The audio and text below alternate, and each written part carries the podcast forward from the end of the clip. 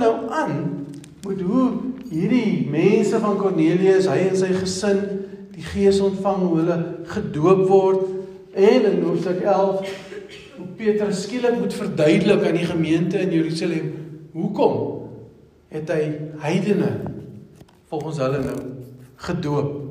So dit is 'n lang verhaal met hierdie opsomming van Jesus se lewe half in die middel wat uh Petrus daarso vir ons vir ons gee. As ons nou hier gaan kyk aan die begin van vers 34 van van die deel wat ons nou gelees het, maar dit is so half in die middel van hierdie hele lang blok van Handelinge 10. Uh Handelinge 10 en ook Handelinge die bietjie van Handelinge 11 by. Dan staan daar Petrus het toe begin praat en gesê: Ek besef nou werklik dat God niemand volgens sy uiterlike uiterlike beoordeel nie. Maar dat die mens wat ontzag het vir hom en doen wat reg is, uit watter nasie hy ook mag wees, vir hom aanvaarbaar is. Peter fairly exploded with his good news. It's God's own truth. Nothing could be plainer. God plays no favorites. It makes no difference who you are or where you're from. If you want God, and you're ready to do as he says, the door is open. Nou vandag is 'n Sondag wat bekend staan as die eerste Sondag na Epifanie. Nou ek het vir julle daar op die voorblad van die afkondiginge gesê wat dit beteken, maar dit gaan eintlik maar oor die verskyning van Jesus, oor die nie die geboorte van Jesus nie, maar die begin van Jesus se werk. En tradisioneel al vanaf 200 na Christus is die 6de Januarie gevier as die dag waarop Jesus deur Johannes die Doper gedoop is en waar Jesus eintlik sy werk begin het. En die feit dat Jesus daar gedoop is is interessant want hy sluit ook sy bediening af en ons lees dit in Matteus 28 met die opdrag aan sy disippels dat hulle ook moet doop in die naam van die Vader en die Seun en die Heilige Gees. Nou daar's 'n groot verskil hierso onmiddellik. Johannes se doop was 'n Joodse bekeringsdoop om mense terug te roep na God toe. Jesus se doop waarmee ons uitstuur, skielik in die naam van Vader, Seun en Gees. Dis iets nuuts. Iets nuuts wat hy vir hulle gee om die pad vorentoe te doen, te te loop. Maar hierdie nuwe goed wat Christus gebring het, sien ons ook in hierdie verhaal van Petrus en Ken Cornelius. Kyk, die Joodse voedselwette en reinigingswette was in die vroeë kerk maar eintlik 'n groot probleem. Daar was 'n groot groep mense wat gedink het, dis nou Jode wat tot bekering gekom het, dat dinge sal maar altyd moet moet aangaan soos dit altyd was. Die Christene moet ook besny word op 8 dae oud vir die kleintjies. Hulle het gedink die uh uh reinigingswette moet daar wees. Jy mag sekere goed nie eet nie. Al daai hele spulwette sal net so aangaan. En dit het 'n tyd gevat vir die kerk om te besef dat Christus alles kom vervul het en kom nuut maak het. In hierdie hele hoofstuk praat in 'n sin van daai proses van nuut maak. En hoe Petrus 3 keer 'n visioen moes sien voordat hy kon verstaan dat God se genade wyer is as net die Joodse nasie of mense wat aansluit of ingesluit word by die Jode. En soos ek net gesê het, hier begin van hoofstuk 11 sien ons dan skielik dat toe Petrus in in Jerusalem terugkom, toe word hy voor stok gekry. Toe moet hy verduidelik Hoekom het hy Jode, uh, nie Jode, heidene, hoekom het hy nie Jode gedoop? En toe moes hy verduidelik, en hy moes verduidelik van sy visioene en alles voordat dit aanvaar is. En dit het alles gebeur nie net omdat Christus geleef het maar ook juis omdat Christus sy gees uitgestort het. Sy gees gestuur gestuur het. Soos hy self al gesê het, om ons in die volle waarheid te lei. Om ook vir daai vroeë Christene te leer dinge is anders, is nuut met Christus en die Gees in ons lewens. Petrus was nie gewoond aan God se nuwe manier van werk nie.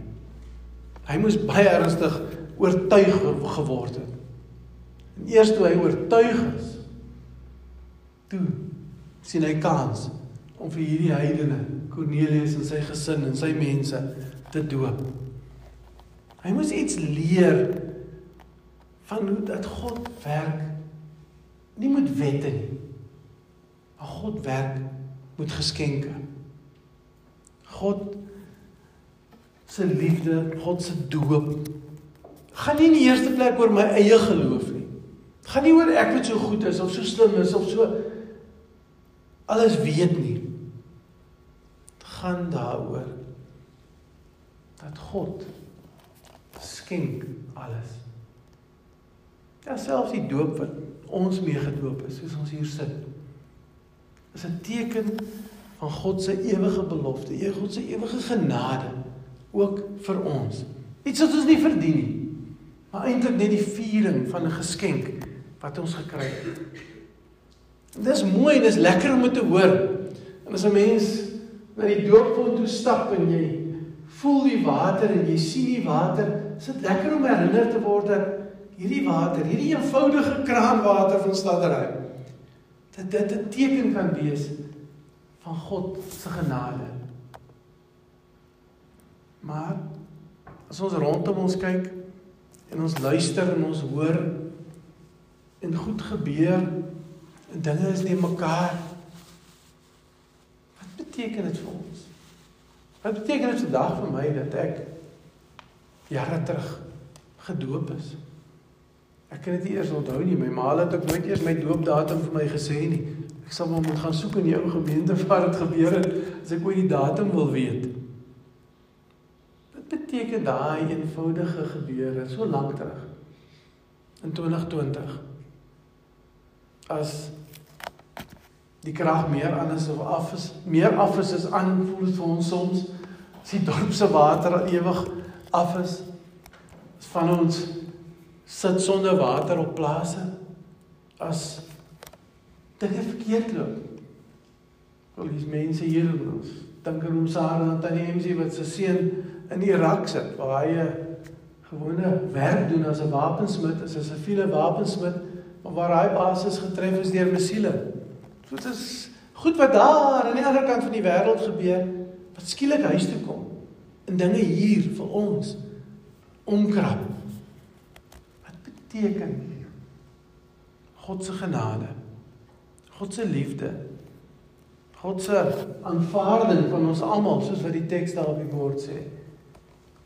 Beteken dit in 2020 as dinge nie mekaar is? Een van die goed wat ek raak sien is dat God se pad anders is as wat ons dink die regte pad is. Petrus het nie gereg gedink die regte pad is om maar sommer net die deure oop te gooi vir die heidene nie. Nou dankie tog want nou sit ons ook hier want ons is ook in sy terme heidene. Ons is nie Jode nie. So sy pad Petrus se pad en God se pad was was anders. En God moes hom oortuig van wat sy pad is, die pad wat nodig is vir die evangelie om reg oor die wêreld te versprei. Die pad wat nodig was vir mense om God se liefde, genade ook in 'n de mekaar wêreld te leer ken. God se pad is eintlik 'n moeilike pad. Want dit is 'n pad van vertroue. Weet in ons vertrou nie maklik nie. Ons vertrou nie mense nie en ons vertrou nie wette nie en selfs ons eie goedheid. Uh want ons weet mos maar ons doen baie verkeerd ook. God kom sê ons moet hom vertrou. Ook in 2020. God se pad is 'n pad waar sy geskenke selfs op heidene uitgestort word. Staan net so 'n bietjie verder aan Handelinge 10. God se pad is 'n pad waar niemand volgens sy uiterlike beoordeel word nie. God se pad is 'n pad van aanvaarding. Maar ook 'n pad waar ek en jy as gelowiges voorbeeld moet wees. Onthou wat Jesus gesê het. Soos die Vader my gestuur het, stuur ek julle ook. En as dinge verkeerd loop, as dinge ons dreig tot wanhoop, as dinge nie is soos ek en jy dit wil hê nie. En erken dit maar. Daar's 'n lang lys goed wat nie is soos ons dit graag wil hê nie. Wat beteken ons? Wat sê ons vir medegelowiges, vir ander mense? Kla ons maar net saam? Als is maar net sleg. Niks is ooit reg nie. Of is daar by ons so ietsie van 'n vertroue? Dit maak nie saak wat buite aan die gang is nie. Dit maak nie saak wat rondom my aan die gang is nie. Binne dit alles is God se pad, die regte pad. Kan en mag en moet ons van God vertrou. Petrus het sekerlik toe hy vir Kornelius en sy mense doop, sekerlik geweet daar gaan vir hom moeilikheid wag. Hy het geweet daar's mense wat nie met hom gaan saamstem nie. Hy het geweet daar's mense wat hom gaan aanvat omdat hy nou 'n klomp heidene gedoop het. Maar hy het gedoen wat reg was by God, wat God hom van oortuig het. Miskien is ons soms bang om God se regte ding te doen. Want ons is bang oor wat mense sal sê. God vir my en vir jou vertrou met sy genade. Ook vandag is net genade dat ons hier is, dat ons saam kan wees genade lank terug begin het soms. Soms genade met 'n moeilike geboorte. My eie dogter wou nie asemhaal toe sy gebore is. Vandag is sy 32. Dis genade. En ons die pad het sy nou al 'n paar goed gedoen soos karre rol en sulke goed wat ook gemaak het dat sy nou half probeer het om ons te verlaat, maar deur die genade is sy nog met ons. God se genade kan iets kleins wees. Kan iets groots wees. God se genade kan selfs daar wees in ons pyn. Wanneer ons nie raad het nie. Ek wil vandag gaan ek nie amen sê nie. Ek wil vandag dat julle elke een so 'n bietjie stil raak. Julle het papiertjies en potlode gekry. Dis net vir jou. Niemand gaan dit lees of merk of wat ook al. Wil jy net vir jou drie goed daar neerskryf?